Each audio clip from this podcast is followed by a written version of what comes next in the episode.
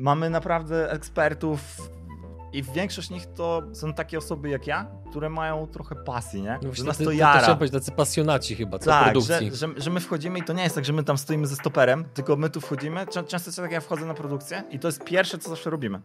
My nigdy nie idziemy do salki. Jak wchodzimy do firmy, to tam wiesz, kawusia czeka, wszystko, a my mówimy, nie, na produkcję, chodźmy na produkcję. Ja chcę to zobaczyć, ja już chcę, wiesz, to już jest to, o, muszę iść i zobaczyć, jak to, jak to po prostu działa, co wy produkujecie. Czyli na przykład, jeżeli mamy proces spawania, to co Adrian daje wartość dodaną? Nie mam pojęcia, stary, ja na produkcji nigdy nie byłem w życiu.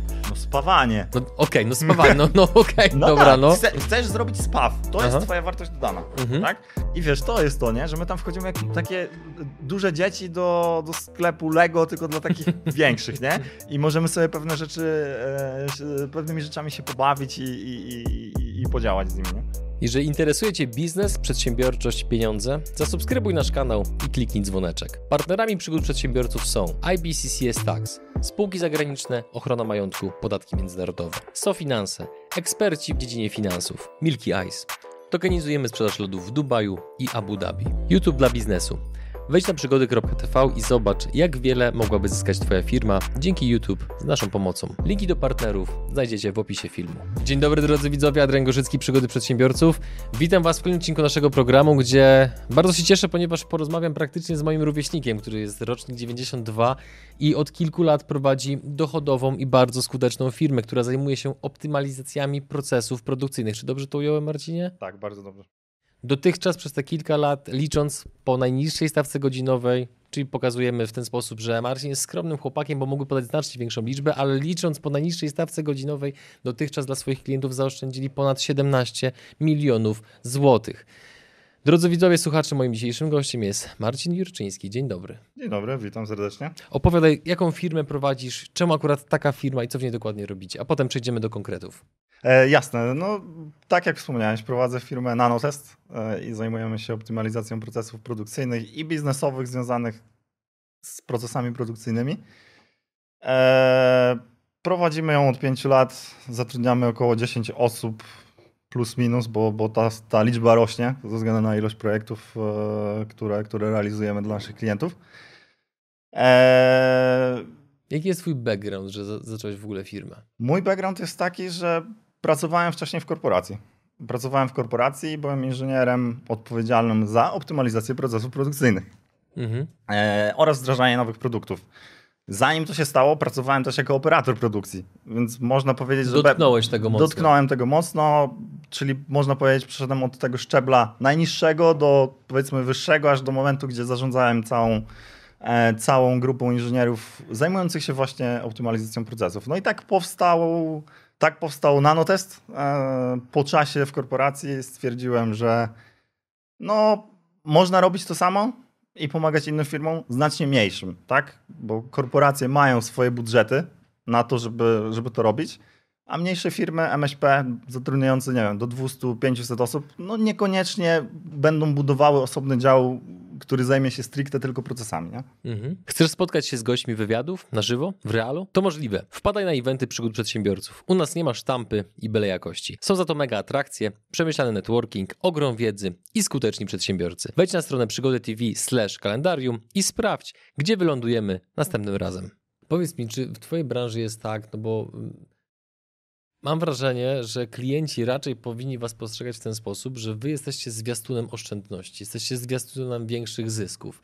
I czy to powoduje, że firmy z otwartymi ramionami was zapraszają do siebie, czy może jednak są jakieś takie elementy, które powodują, że nie jesteście aż tak mile widziani, bo na przykład być może jakiś inżynier wewnątrz będzie się czuł zagrożony, że nagle przyjdzie ktoś i będzie ich ustawiał i pokazywał, co mają robić. Jak to wygląda od kuchni? Są tak naprawdę takie dwa główne czynniki. Pierwszy czynnik wynika ze strony zarządu i to jest to, że oni tak naprawdę nie wiedzą, że mogą e, zoptymalizować procesy po swojej stronie, bo nie mają czasu nawet na to spojrzeć. Więc e, tutaj, tutaj jest pierwszy taki aspekt, w którym, w którym musimy ich do tego przekonywać. E, drugi aspekt wiąże się nie raczej z inżynierami, bo inżynierowie w firmach chcą zmian, tylko też nie mają czasu, bo cały czas mają bieżące operacje, cały czas są zajęci gaszeniem pożarów. Gaszą pożary i nie mają czasu trochę się zrobić kroku wstecz i spojrzeć na ten proces i powiedzieć, słuchajcie, zmieńmy to, to, to i to i wtedy może tych pożarów będzie mniej. E, jeśli chodzi o taki opór, o którym wspomniałeś, to ten opór bardziej jest u takich e, pracowników najniższego szczebla, czyli operatorów produkcji, bo oni myślą, że my przychodzimy, żeby ich zwolnić. Że, że my tak zoptymalizujemy proces, że te pięć osób pracujących powiedzmy przy, przy danej czynności już nie będzie potrzebnych, tak? Bo nie wiem, zastąpimy ich robotem. Często, często te rzeczy są, e, są mylone, więc czasami też jesteśmy takimi psychologami na produkcji E, że musimy z tymi ludźmi porozmawiać, że musimy z nich wyciągnąć to, że słuchajcie, my chcemy wam pomóc, my chcemy, żebyście dalej robili to, co robicie, tylko robili to wydajniej, ale też pracowali lżej. Że nie trzeba chodzić na przykład po materiał 10 e, metrów na regał i go przynosić i targać jakieś ciężkie profile stalowe, tylko postawmy wam to bliżej, nie będziecie musieli chodzić, będziecie mieli bliżej maszynę, wszystko będzie prościej, tak? No i tu ci na chwilę przerwę i od razu wprowadzę naszych widzów i słuchaczy w to, co się w tym odcinku w ogóle wydarzy. Słuchajcie, Marcin się przygotował fenomenalnie, bo patrzę sobie właśnie w brief i widzę, że będzie masa przykładów i masa historii, a żeby dać wam taką chociaż namiastkę tego, co, co będzie omawiane, to Marcin napisał w jednym miejscu tak. Możemy pokazać, że poprawa przyspieszenia danego procesu o 10 sekund da klientowi 150 tysięcy oszczędności rocznie. Więc, żeby nie przedłużać i wchodzimy teraz w rozwinięcie odcinka i w główną część, powiedz na jakie powiedzmy optymalizacje, jak, jakie modyfikacje procesów, na co warto zwrócić uwagę mając zakład produkcyjny, co warto zrobić, żeby po prostu zaoszczędzić, przyspieszyć, a tym samym zarabiać więcej? No to tutaj e, musimy dodać mały background tego wszystkiego. E, wracając do tych wielkich korporacji, które mają swoje działy optymalizacji procesu, z, tego, z tych korporacji też e, wyniknęły pewne metodologie, pewnie ci znane, jak na przykład Lean. Szeroko pojęty Lean. Marketingowo bardzo znane Marketingowo słowo. bardzo znane słowo, wywodzący się z Toyota Production System, tak? I ten Lean jest trochę takim słowem magicznym. Wszyscy chcą robić szkolenia z Leanu, wszyscy chcą e, korzystać z narzędzi linowych, tak? E, ich nazwy oczywiście są z języka e, japońskiego w części, w części, ponieważ właśnie w Toyocie były wykorzystywane. Czy też to słowo Kaizen się mieści w tej puli? tak, nie? no nawet patrząc na te słowa mamy, nie wiem, 5S, Pokajoke, TPM, Kaizen, Jidoka, Origami, Shitsu, Kamasutra. Nie, oczywiście te ostatnie to nie, ale patrząc, patrząc, patrząc na te słowa właśnie jak masz firmę produkcyjną, bo jesteś kierownikiem produkcji i powiedzmy składasz szafy sterownicze do, dla telekomunikacji i robisz to przez 20 lat i usłyszysz słowo jidoka, to co ci przychodzi do głowy? No porąbało faceta, co on miał jakieś jidocy, judo to mój syn tam trenuje, gdzieś tam włożę go na treningi, nie? Tak, tak byś pomyślał. Mhm. Więc y, często firmy się tego boją. No bo jak masz, duże korporacje się tego nie boją, bo są wychowane w tej kulturze organizacyjnej, która do tego przywykła. I jak się tam przychodzi, to się ma z tego szkolenia, e, jest się... Jest, nasiąkasz tym. Nasiąkasz tym, dokładnie. I teraz e, trafiasz do firmy rodzinnej, która zatrudnia 50-100 osób i może słyszała o słowie Lean, no bo to o, o tym każdy słyszał, tak? W różnych kontekstach. No ale jak już zagłębisz się w te narzędzia, no to on powie, nie no, ja nie będę się w ogóle uczył, tam pewnie po japońsku jest napisane i co ja będę z tym robił, nie? To jest, to jest takie, e, takie coś, co, co buduje mocną barierę i dystans. I teraz, e, zanim przejdziemy do konkretnych przykładów, to właśnie często trzeba na te procesy spojrzeć po prostu ogólnie. Tak jak powiedziałem, zatrzymać się, poświęcić na to trochę czasu i poobserwować. W linie jest takie pojęcie gęba, też z japońskiego. E, oznacza to miejsce wykonywania czynności, czy miejsce wykonywania danego procesu. To, co e, różne firmy e, stosują, to jest rozwiązywanie problemów produkcyjnych w salce. Czyli mamy problem na produkcji, jest, poro, jest pożar do ugaszenia, spotykamy się w salce, i dyskutujemy, no bo tam trzeba przesunąć ten... E, w salce konferencyjnej. Tak, w salce konferencyjnej, rysują, są prezentacje w PowerPoincie, po czym się wszyscy rozchodzą, już nikt nie pamięta, co chcieli zrobić i dlaczego i w ogóle, że coś nie działa, nie? Tak, tak to generalnie wygląda. Gęba oznacza właśnie miejsce wykonywania procesu, więc pierwszą, najważniejszą rzeczą, którą trzeba zrobić, to iść i zobaczyć ten proces. Jeżeli mamy proces, e, powiedzmy z moich przykładów, jeden proces e, cięcia blach na maszynie, jest maszyna produkcyjna, w której operator wkłada blachę z jednej strony, ona jest cięta na odpowiedni, zgodnie z programem na odpowiedni wymiar i wychodzi powiedzmy z drugiej strony blacha plus jakiś tam odrzut, tak? Mhm. Prosty proces. No to żeby sprawdzić jak ten proces przebiega i, i jak on wygląda i przede wszystkim go pomierzyć, no to musisz tam iść. A tego brakuje w polskich firmach, że kierownik produkcji często nie ma czasu, żeby iść poobserwować proces, nie ma raczej inżyniera procesów w firmie, powiedzmy, rodzinnej do 100, 200, 500 osób, no, że do 500 osób to jeszcze by się znalazł, tak?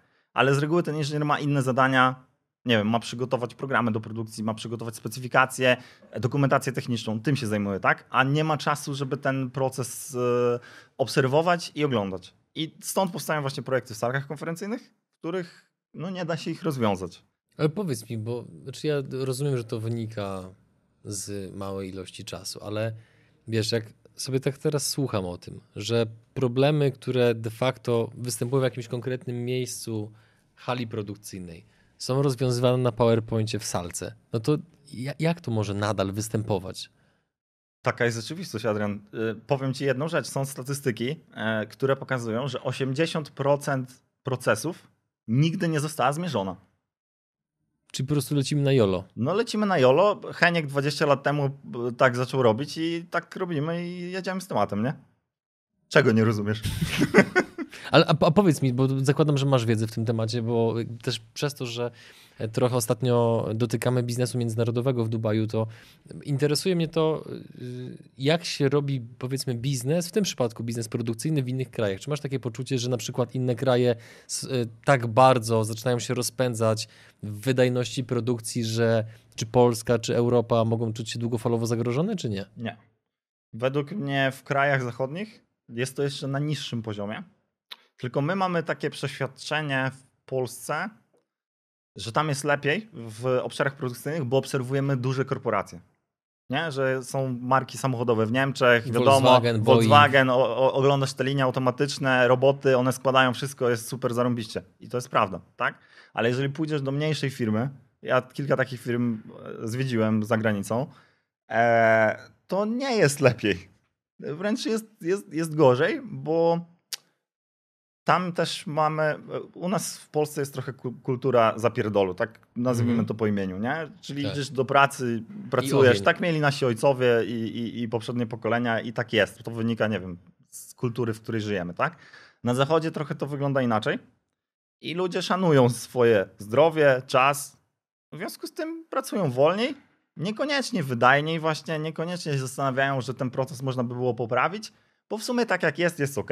Mm zarabiają spoko stawkę i jest, jest ok, nie?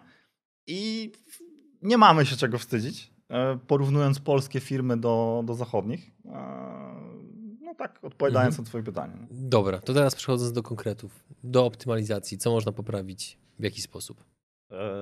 Te historię poprosimy wszystkich, Popra- powiem, powiem twoją ulubioną e, frazę, to zależy. E, branża jest specyficzna i no, można wiele tego typu rzeczy powiedzieć. Ale e, tak, wracając do moich przykładów. E, wspomniałeś o, o, o tym, że skracanie procesu o kilka sekund może przynieść kilkadziesiąt tysięcy złotych oszczędności. I to jest prawda. Wracając do tego, e, o czym mówiłem e, na temat procesu cięcia blach, który już przybliżyłem. Więc mamy sobie takiego, taki proces cięcia blach, który sumarycznie zajmuje 20 sekund. Firma zaprosiła nas do, do siebie, żebyśmy kilka takich procesów e, obejrzeli. No i akurat mi zaszczyt przypadł obserwowania tego cięcia blach. E, I pierwsze, co zauważyliśmy po pięciu minutach obserwacji tego procesu, że regał z blachami do pobrania do maszyny jest tak jakieś, nie wiem, 6 do 10 metrów od tej maszyny więc całkiem sporo. Cały proces, e, pobranie blachy, załadowanie do maszyny i wyciągnięcie zajmowało 20 sekund. Co zrobiliśmy? Poszliśmy porozmawiać z tym operatorem. Pierwsze pytanie do niego, tam, panie Henku, czy to nie jest za daleko, że pan tak łazi?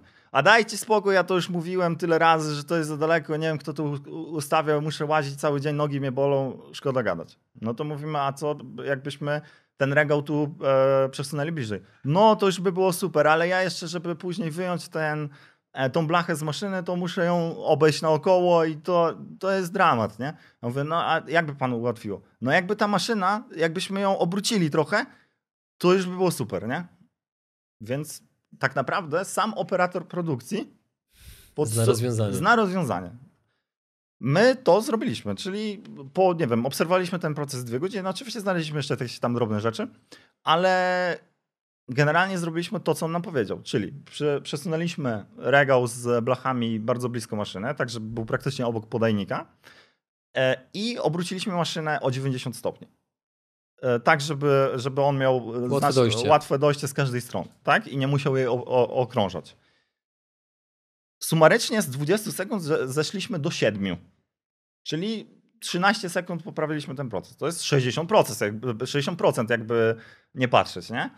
E, ale w ujęciu sekundowym, no co ci tam robi, nie? 10 w tą, 10 w tą, to jest, to jest nic. Takie, takie grosze to się wydają. To, jest, to są grosze. I teraz e, e, powiem trochę o kosztach. Przeniesienie maszyny kosztowało 5000 zł, bo trzeba było zamówić dźwig, e, poświęcić na to trochę czasu.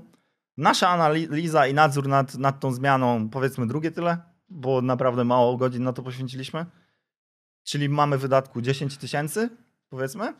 I teraz wyobraź sobie, że masz trzy takie maszyny, które były ustawione w ten sam sposób, z dokładnie z tymi samymi problemami. Te mhm. wszystkie maszyny obróciliśmy. E, skróciliśmy ten czas o te 13 sekund. Maszyny działały 24 godziny na 7, bo tak, taki był e, profil produkcyjny tej firmy. Co jak sobie przeliczysz na godziny, na jedną maszynę to było 1250 godzin mniej.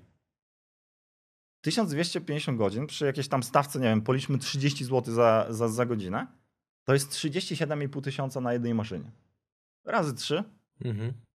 No, robi się dobry pieniądz. Odejmiesz te 10, które wydali na to, żeby to zrobić.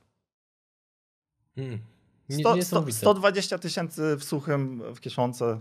Mhm. Na dobre wakacje wystarczy chyba, nie? A oni zrobili fajnie w tej firmie, bo to, co zaoszczędzili, oczywiście jeszcze pracowaliśmy przy innych procesach w tej firmie, bo to było bardzo kompleksowe mm, e, takie podejście. Fajny właściciel, mega, mega dobre podejście. To był syn, który przejął e, firmę po ojcu i stwierdził, no nie, nie możemy tak robić, jak robimy mhm. od 20 lat.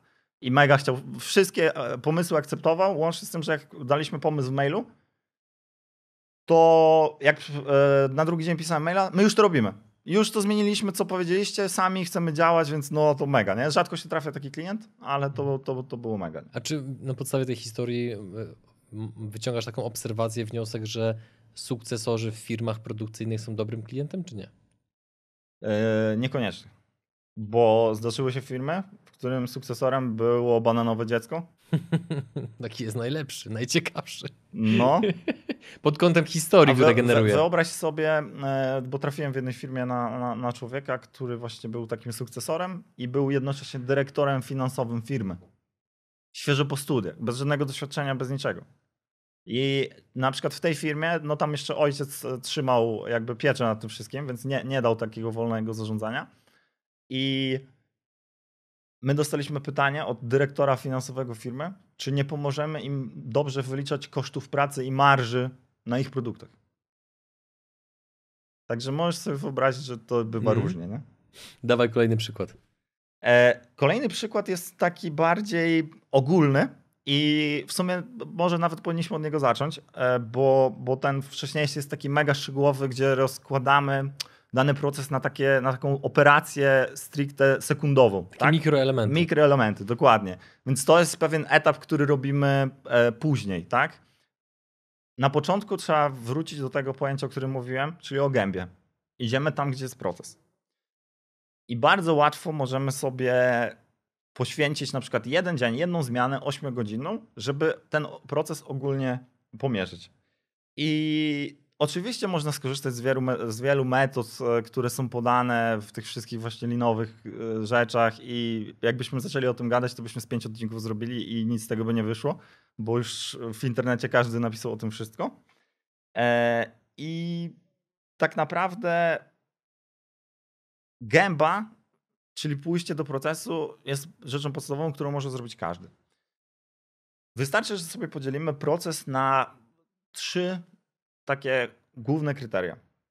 Mamy kryterie że kryterium, że e, wartość, e, produkt daje jakąś wartość dodaną. Czyli operacja, którą wykonujemy, dana, przynosi wartość dodaną. Czyli na przykład, jeżeli mamy proces spawania, to co Adrian daje wartość dodaną? Nie mam pojęcia, stary, ja na produkcji nigdy nie byłem w życiu. No spawanie. No okej, no spawanie, no, no okej, No dobra, tak, no. Chce, chcesz zrobić spaw, to Aha. jest twoja wartość dodana, Mhm. tak? Czyli powiedzmy, że, że e, naszą jedyną czynnością, która daje wartość temu produktowi, czyli klient chce za to zapłacić, to jest spaw, zrobienie Mhm. danego spawu, połączenie na przykład dwóch pro, profili ze sobą tym spawem. To jest nasza, nasza czynność, która daje wartość dodaną. W kolejnym kroku mamy marnotrawstwa. I są marnotrawstwa tak zwane oczywiste, czyli na przykład znikający operator. Idziesz na, na produkcję, gościa nie ma. Na fajce jest. Na przykład. Albo gada z kimś, nie? Albo nie chce mu się robić. No, różne są aspekty, Mhm. tak? To jest, to jest takie marnotrawstwo oczywiste, e, które, które widać. I są marnotrawstwa takie nieoczywiste, inaczej czynności, które nie dodają wartości produktowi, ale są konieczne. Czyli na przykład pobranie e, profili z magazynu, tak? Musisz po niej, żeby, żeby coś pospawać, tak? To nie, nie daje ci żadnej wartości. E, Tu jest to marnotrawstwo z tego pierwszego przykładu, że to po tą blachę musiał iść, tak, tak? dokładnie, Okej. dokładnie tak. Czyli musisz iść po tą blachę, czyli powiedzmy, możemy sobie podzielić to na kolorki. Zielony to jest e, wartość dodana, żółty to jest to, co musimy zrobić, ale niekoniecznie jest wartością dodaną i czerwony to jest to, czego w ogóle nie powinniśmy tak naprawdę robić w tym procesie. I dzieląc sobie tak, taki prosty proces jak spawanie na, na, takie, na takie elementy, wystarczy sobie znaleźć fajne miejsce na produkcji, żeby ten proces poobserwować. I na sam, na, na, na początek tak naprawdę wystarczy, że osoba obserwująca zrobi sobie interwał czasowy, że co, nie wiem, 2, 3, 5 minut, w zależności jak chce, będzie wpisywać w jakimś prostym Excelu czynność, którą widzi, że robi ten operator. Mamy te, te nasze e, zielone, żółte, czerwone i będzie sobie wpisywać jedyneczkę, jedyneczkę, jedyneczkę, tam gdzie e, akurat e, widzi, że coś się dzieje. No i tak naprawdę po godzinie takiej obserwacji, nawet przy interwale 5-minutowym, mamy 12 takich pomiarów. Czyli mniej więcej jesteśmy w stanie powiedzieć, ile czasu spawał, ile czasu go nie było, a ile czasu robił coś, co, e, co musiał, ale też można by to skrócić. I teraz jakby to jest takie, taka teoria. Przejdźmy do, do praktyki. E, w firmie produkującej garaże blaszane i kontenery blaszane robiliśmy taki, e, taki, taki właśnie obraz dnia, to się tak powiedzmy nazywa. Czyli e, kilka procesów w ten sposób obserwowaliśmy. Naprawdę na ogólnym poziomie. To, co zrobiliśmy, to e, zrobiliśmy ćwiczenia trochę z tą firmą, bo też mamy taką metodologię, że to nas nie będzie, tak? Kiedyś. A ta firma musi zostać z jakimiś narzędziami, z jakimiś e, po prostu wynieść z tego jakąś naukę, tak? Tak do tego podchodzimy. E, Więc e, tam było z nimi takie ćwiczenie, że to oni definiowali czynności, które według nich dają wartość i które nie dają i, i, i których w ogóle nie powinno być.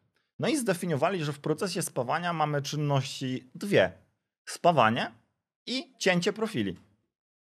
My powiedzieliśmy, że to nie do końca jest tak, no bo spawacz zarabia powiedzmy 10 tysięcy złotych, a człowiek, który docinałby profile zarabia 5, nie? A tam wszystko robi spawacz, więc to jest pierwszy, pierwsza podpowiedź dla, naszych widzów, że e, żeby też na ten aspekt zwrócić uwagę, tak? Komu ile płacimy na, na danym stanowisku.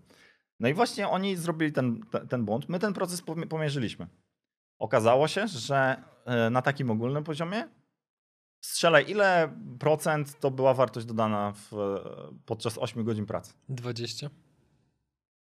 Nie, no to powiem ci, że zaniżyłeś im mocno. No kurczę, ch- chciałem pójść po jakieś ekstremum, bo tak wiesz, myślałem, że to sugerujesz to w swoim pytaniu. Nie.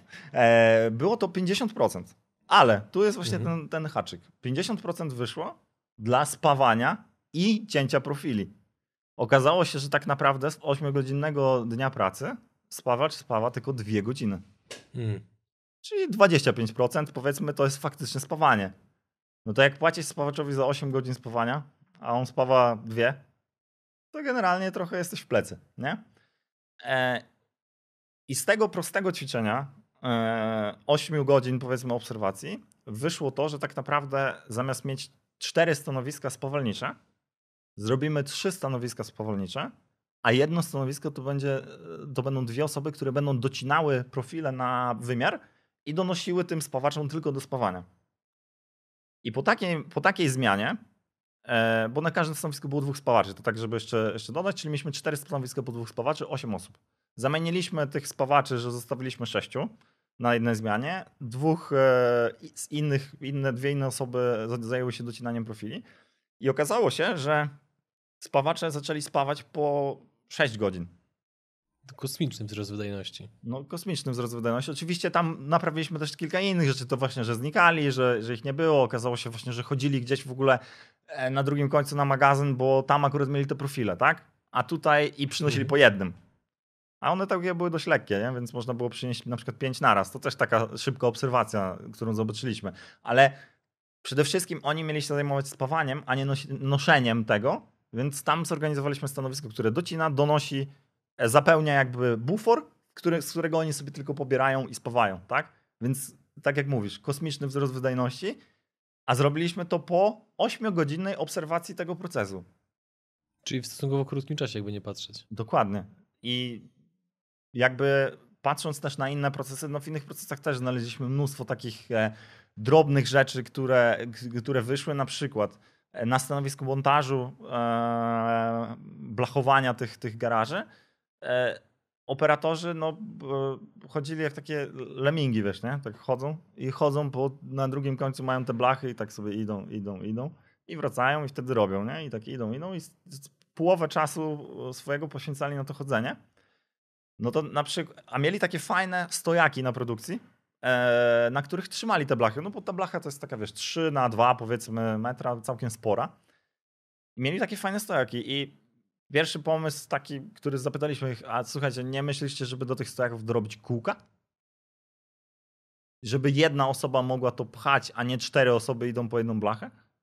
I nagle eureka, nie? Żarówka nad głową. Kurwa, faktycznie.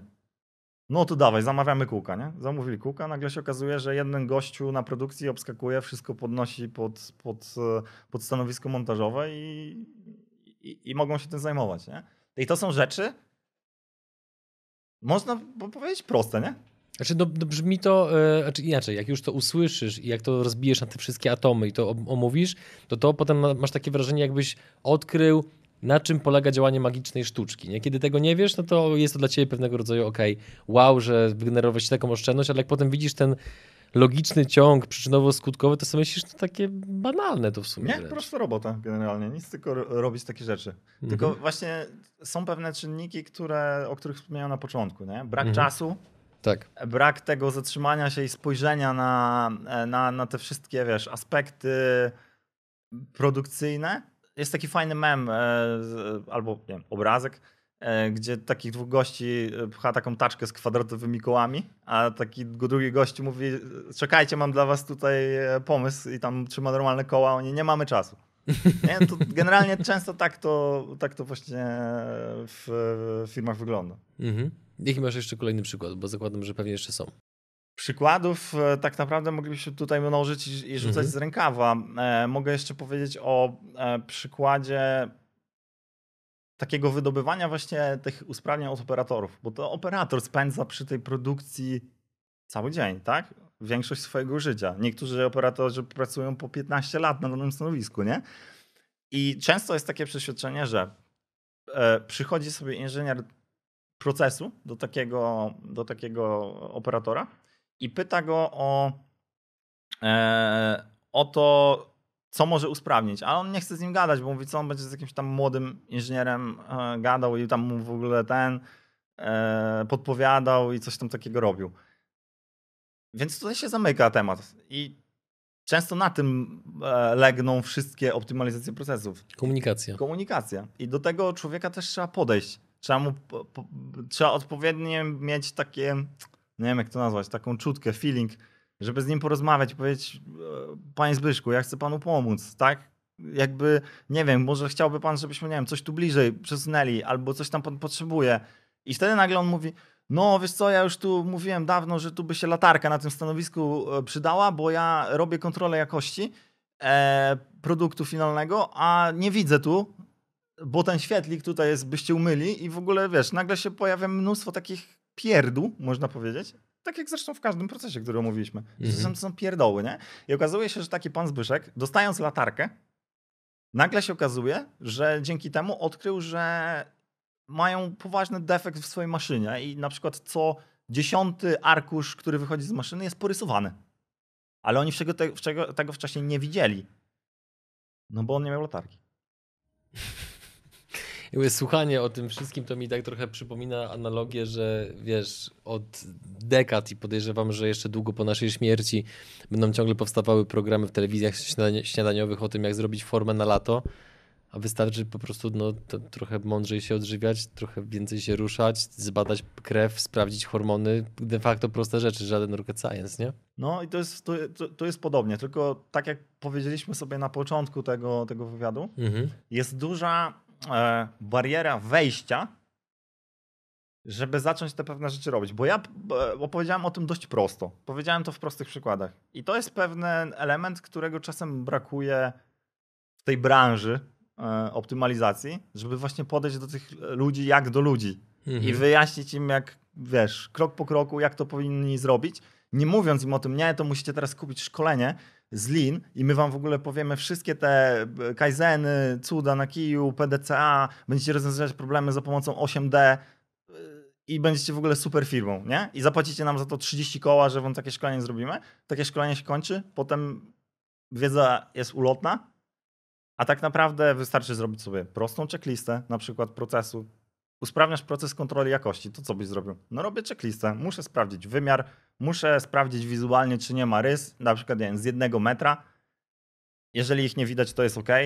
E, muszę sprawdzić, czy e, dany e, element e, spełnia jakieś tam, nie wiem, normy chropowatości, czyli mam jakiś przedmiot do, do pomiaru tego. Prosty temat, nie? Mhm. A 80% firm nie ma takiej prostej checklisty dla operatora, co on powinien zrobić. No i teraz właśnie, jakby rozwijając ten temat, bo powiedziałeś o checklistach, powiedziałeś również o innych narzędziach, ale to napisałeś właśnie w jednym punkcie, że chciałbym omówić proste narzędzia, które każdy może zastosować w swojej nawet najmniejszej firmie, aby zoptymalizować procesy różne, ale w szczególności produkcyjne. Więc czy są jeszcze jakieś inne narzędzia, które chciałbyś omówić? Niekoniecznie aż tak proste jak na przykład checklista, chociaż ja bardzo doceniam to, że zaczynamy od tego typu tematów, czyli takich drobnych usprawnień, które mogą dać spektakularny efekt w bardzo krótkim czasie. Natomiast czy są jeszcze jakieś inne proste narzędzia, bądź trochę bardziej zaawansowane, żeby też uderzyć do tej części publiczności, która ma tego typu rzeczy już całkiem dobrze poukładane? Tak, tych, tych narzędzi jest mnóstwo. I tak naprawdę e, fajnym źródłem wiedzy jest też e, nasz blog, na który można wejść. Tam są artykuły. Jego nazwa dla osób, E, które słuchają podcasta? Nanotest.pl, ukośnik baza wiedzy. I Mhm. my tam właśnie w taki prosty sposób, jak ja tutaj teraz wyjaśniłem, opisujemy różne narzędzia, które można zastosować na produkcji. Krok po kroku, naprawdę. E, ale jakby wracając do twojego, twojego pytania. Spotkałeś się pewnie z konceptem zarządzanie wizualne. Owszem. Tak. I zarządzanie wizualne to jest bardzo prosty temat do wdrożenia na każdej produkcji. Na przykład, jednym tutaj jakby też Lean mówi o tym, że mamy pod, w podstawie 7 marnotrawstw, e, jest jeszcze 8 i 9, tam sobie coś linowcy wymyślili, ale generalnie jest tam kilka tych marnotrawstw, e, które mamy. Jednym z nich jest nadprodukcja. Czyli produkujemy za dużo, niż tak naprawdę ktoś od nas zamówił. Albo produkujemy za mało. I wtedy mamy inne marnotrawstwo, czyli oczekiwanie. Przykładowo, ty e, jesteś tym spawaczem i, i spawasz ramki e, z profili, na które później ja muszę założyć blachę. I jeżeli ty się nie wyrabiasz z twoimi, że tak powiem, tematami i spawaniem, no to ja nie mam co robić, bo nie mam tych, tych, tych ramek, tak? I zarządzanie wizualne może bardzo prosto ten problem rozwiązać. Bo regał, na przykład, na który ty odkładasz e, zrobione ramki, może mieć oznaczenia kolora, kolorami. Czyli mamy poziom zielony, czyli bufor jest zapełniony, drugie stanowisko ma co robić. Mamy poziom żółty, czyli jest tak powiedzmy ok, czyli musimy tam zacząć dorabiać. Jest czerwony, którego nie możemy przekroczyć, bo już będzie za mało, tak? No i wystarczy taki koncept wprowadzić na produkcji, żeby kierownik produkcji widząc, spogląda tylko okiem, rzuca okiem na ten, na ten regał i on widzi, o kurde, mi się spawacz nie wyrabia, to muszę dorzucić drugiego, żebyśmy cały czas trzymali tempo, nie? Żeby nie było tej straty oczekiwania, albo widzisz, że na, na regale jest za dużo i ty już nie masz gdzie odkładać, to znaczy, że trzeba spowolnić, powinieneś się przerzucić na przykład na inny produkt, bo tamten ma co robić, tak? I on się nie wyrabia. Więc jakby prosty koncept zarządzania kolorami na produkcji po, pod względem tego regału, nie? Inny temat. Bardzo spotykany na, we wszystkich firmach produkcyjnych. Wchodzę na halę produkcyjną i nie widzę, ile zrobili. Nie wiem, jaki jest wynik. Nie, nie, widzę wyniku produkcyjnego. I pytam kierownika produkcji, jaki jest wynik. No, Henio mi mówił, że tam 8 tysięcy dzisiaj zrobią. Nie? Ja mówię, no dobra, a ile robicie na przykład danego produktu na zmianę? No tam na oko tak z 10 koła. No mówię, okej. Okay. A po pomiarach wychodzi, że robią 6,5. Nie? Bo nikt nigdy nie zmierzył tego procesu i nigdy nikt nie widział wyniku e, real time na produkcji. I teraz nie mów, e, wiesz, mamy teraz dwa podejścia. Kierownik mówi, nie, bo ja to byśmy musiał mieć system, ja bym musiał mieć telewizor na produkcji, w ogóle co by wyświetlał, sczytywanie z maszyn, to będzie kosztować. Ja mówię, no będzie pół bańki. A ja mówię, ale po co wam to? Przecież wy tego nie potrzebujecie. Macie 50 osób na produkcji. Powiedzcie przy dwóch stanowiskach, postawcie tablicę, narysujcie na niej tabelkę, wpiszcie godzina od 8 do 9 i wynik. Prosty temat, nie? Wpisujesz mhm. wynik i ten. Teraz mówi, no w sumie dobry pomysł. Zaczynają wpisywać wyniki. Mówię, to obok wyniku, jeżeli zakładacie, pomierzyliśmy wam, że 6,5 tysiąca robicie e, na zmianę, to powiedzmy, że tam musicie robić po, nie wiem, 800 na godzinę. To jeżeli zrobicie w jakiejś e, godzinie mniej, to wpisujcie sobie obok, czemu zrobiliście mniej. Na przykład maszyna się popsuła, przerwa była, nie wiem, operator miał szkolenie, cokolwiek. Albo operator e, napisze, że miał problemy jakościowe. I co to wam daje? Daje wam to proste, proste narzędzie do optymalizacji procesu, bo widzicie, co możecie poprawiać w swoich procesach. Nie? Prosta e, rzecz, czyli tablica na produkcji, na której masz cel, wynik, problem. I później możesz stosować kolejnym narzędziem, który jest Kaizen, czyli ciągłe doskonalenie, czyli właśnie na podstawie tych wszystkich wyników, które zbierasz, poprawiasz te rzeczy, tak? które, e, które wychodzą. I zarządzanie wizualne może być jakby bardzo. No to jest łatwe do wdrożenia. To nic nie kosztuje, nie? To, no bo co cię to kosztuje?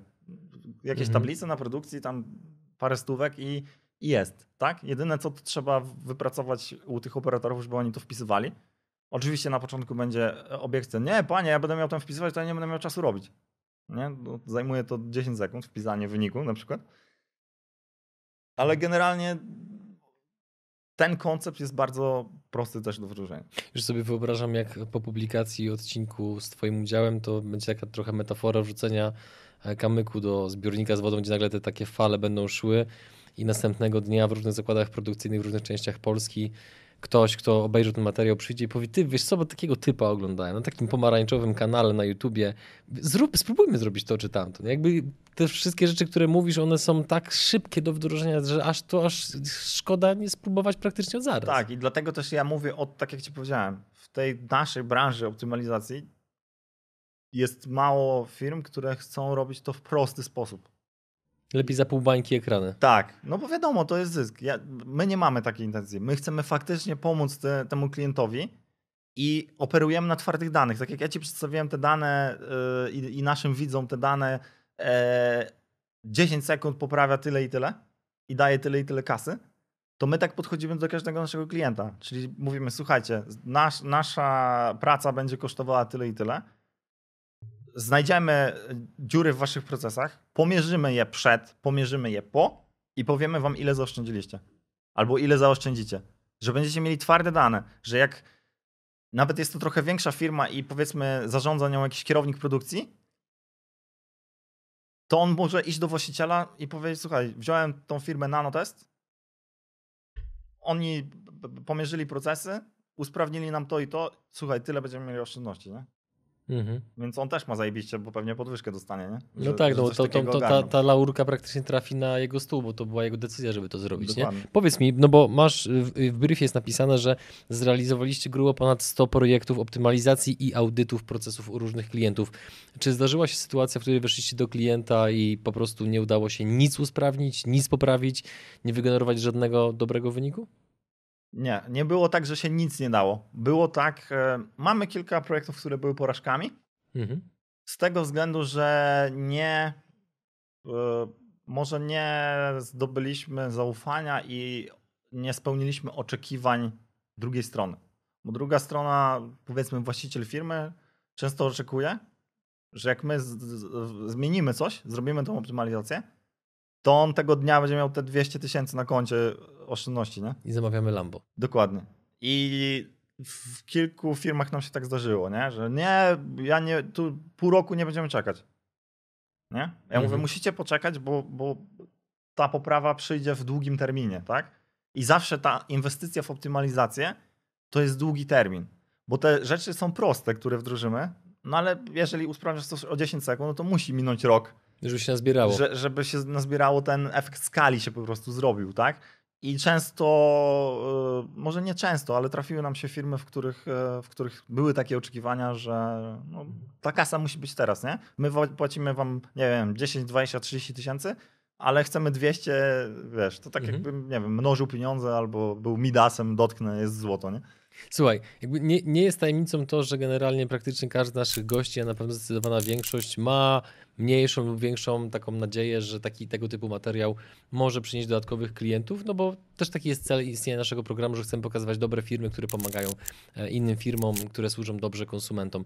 Więc żeby dla tych z widzów, dla tych słuchaczy, którzy yy, obejrzawszy ten odcinek mają takie poczucie, chyba bym chętnie skorzystał z usług Nanotest. To jakby powiedz, powiedz proszę kilka rzeczy takich powiedzmy bardzo konkretnych. Z kim przede wszystkim pracujecie, z kim nie pracujecie, jak wygląda współpraca z wami i czy współpraca z wami ma też trochę bardziej zaawansowany wymiar, żeby ktoś przypadkiem nie pomyślał, że wasza robota sprowadza się do tego, że siadacie obok linii produkcyjnej ze stoperem, patrzycie na jakiegoś tam gościa i dobra, trzeba przesunąć maszynę, poproszę pięć koła.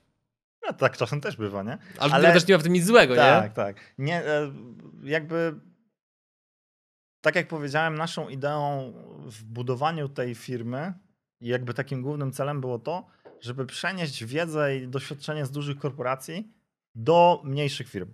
Tak? Czyli my chcemy pomagać MŚP. Chcemy pomagać MŚP, to jest nasz cel, bo wiemy z jakimi problemami oni się borykają. Naprawdę się borykają z tym, że no nie mają wiedzy, zasobów, żeby, żeby sobie te pewne rzeczy pousprawniać, a może im to dać gigantyczny po prostu, wiesz, kop w górę, jeżeli, jeżeli im e, pomożemy. Więc powiedzmy, że w takich, e, takim klientom pomagamy. Nie siedzimy tylko ze stoperem przy, linia, przy liniach produkcyjnych i nie mierzymy, bo tak naprawdę audyt takiej produkcji, który robimy, to już zależy od e, firmy. Czasami wchodzimy do firmy i sprawdzamy wszystko. Łącznie z tym, to jest taka dobra anegdota, którą opowiadam, e, mamy niektórych konsultantów na tyle skrupulatnych, że wjeżdżając na teren firmy, we wnioskach z audytu miałem informację, na wjeździe do firmy nie było, e, do firmy e, nie było znaku ograniczenia prędkości na parkingu. Więc możesz sobie wyobrazić, jaki poziom szczegółowości e, czasami e, wchodzimy, tak? Wchodzimy w aspekty BHP, gdzie BHP nie jest naszą, jakby wiesz, domeną, tak? Ale zwracamy uwagę, że nie wiem, spawacz nie ma aktualnych uprawnień. Co jest istotne, tak? No bo jeżeli pospawasz jakiś, nie wiem, garaż czy cokolwiek, tak? Później się komuś to zawali, rozwali web, no to jest może być problem, nie? I jakby mhm. wiesz, na takie wszystkie aspekty, czyli podchodzimy mocno holistycznie. Oczywiście głównym korem są te procesy produkcyjne, ale z procesami produkcyjnymi łączą się procesy logistyczne, procesy magazynowe, e, obieg informacji, zarządzanie ogólnie strategią firmy, to jest wszystko mocno powiązane, tak? I często problemy produkcyjne właśnie powodują też problemy w tych innych obszarach i na odwrót, tak? Że czasami, nie wiem, mamy problem z dostawcami i przez to mamy przestoje na produkcji, tak? No bo oni nie dostarczają na czas. I się okazuje, że nie ma dywersyfikacji e, dostawców. Że na przykład przez 5 lat firma e, zamawia części od jednego dostawcy nigdy nie spojrzała na innego, nigdy nie zweryfikowała cen, zawsze akceptowała ceny, które, które podał im dostawca. I takie rzeczy widzimy. Mhm. I jakby, żeby podejść dobrze do optymalizacji procesów w produkcji, trzeba też e, zebrać te wszystkie inne czynniki, zro zrobić odpowiednie mapy tych procesów.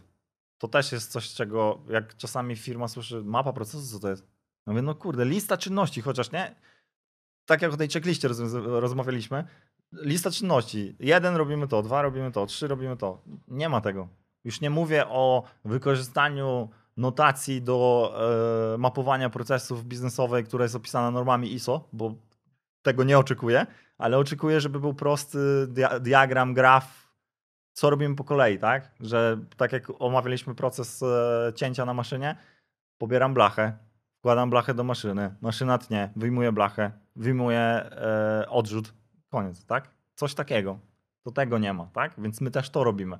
Najpierw czasami trzeba wejść do firmy i zmapować te wszystkie procesy i pokazać im, słuchajcie, to jest wasza mapa procesów, teraz się e, zacznijmy do niej strzelać i sprawdźmy, gdzie są, gdzie są słabe punkty, nie? Gdzie, gdzie właśnie jest to oczekiwanie na przykład, gdzie jest nadprodukcja, w którym miejscu i krok po kroku analizujemy wtedy no naprawdę szeroki aspekt e, tej całej produkcji, tak?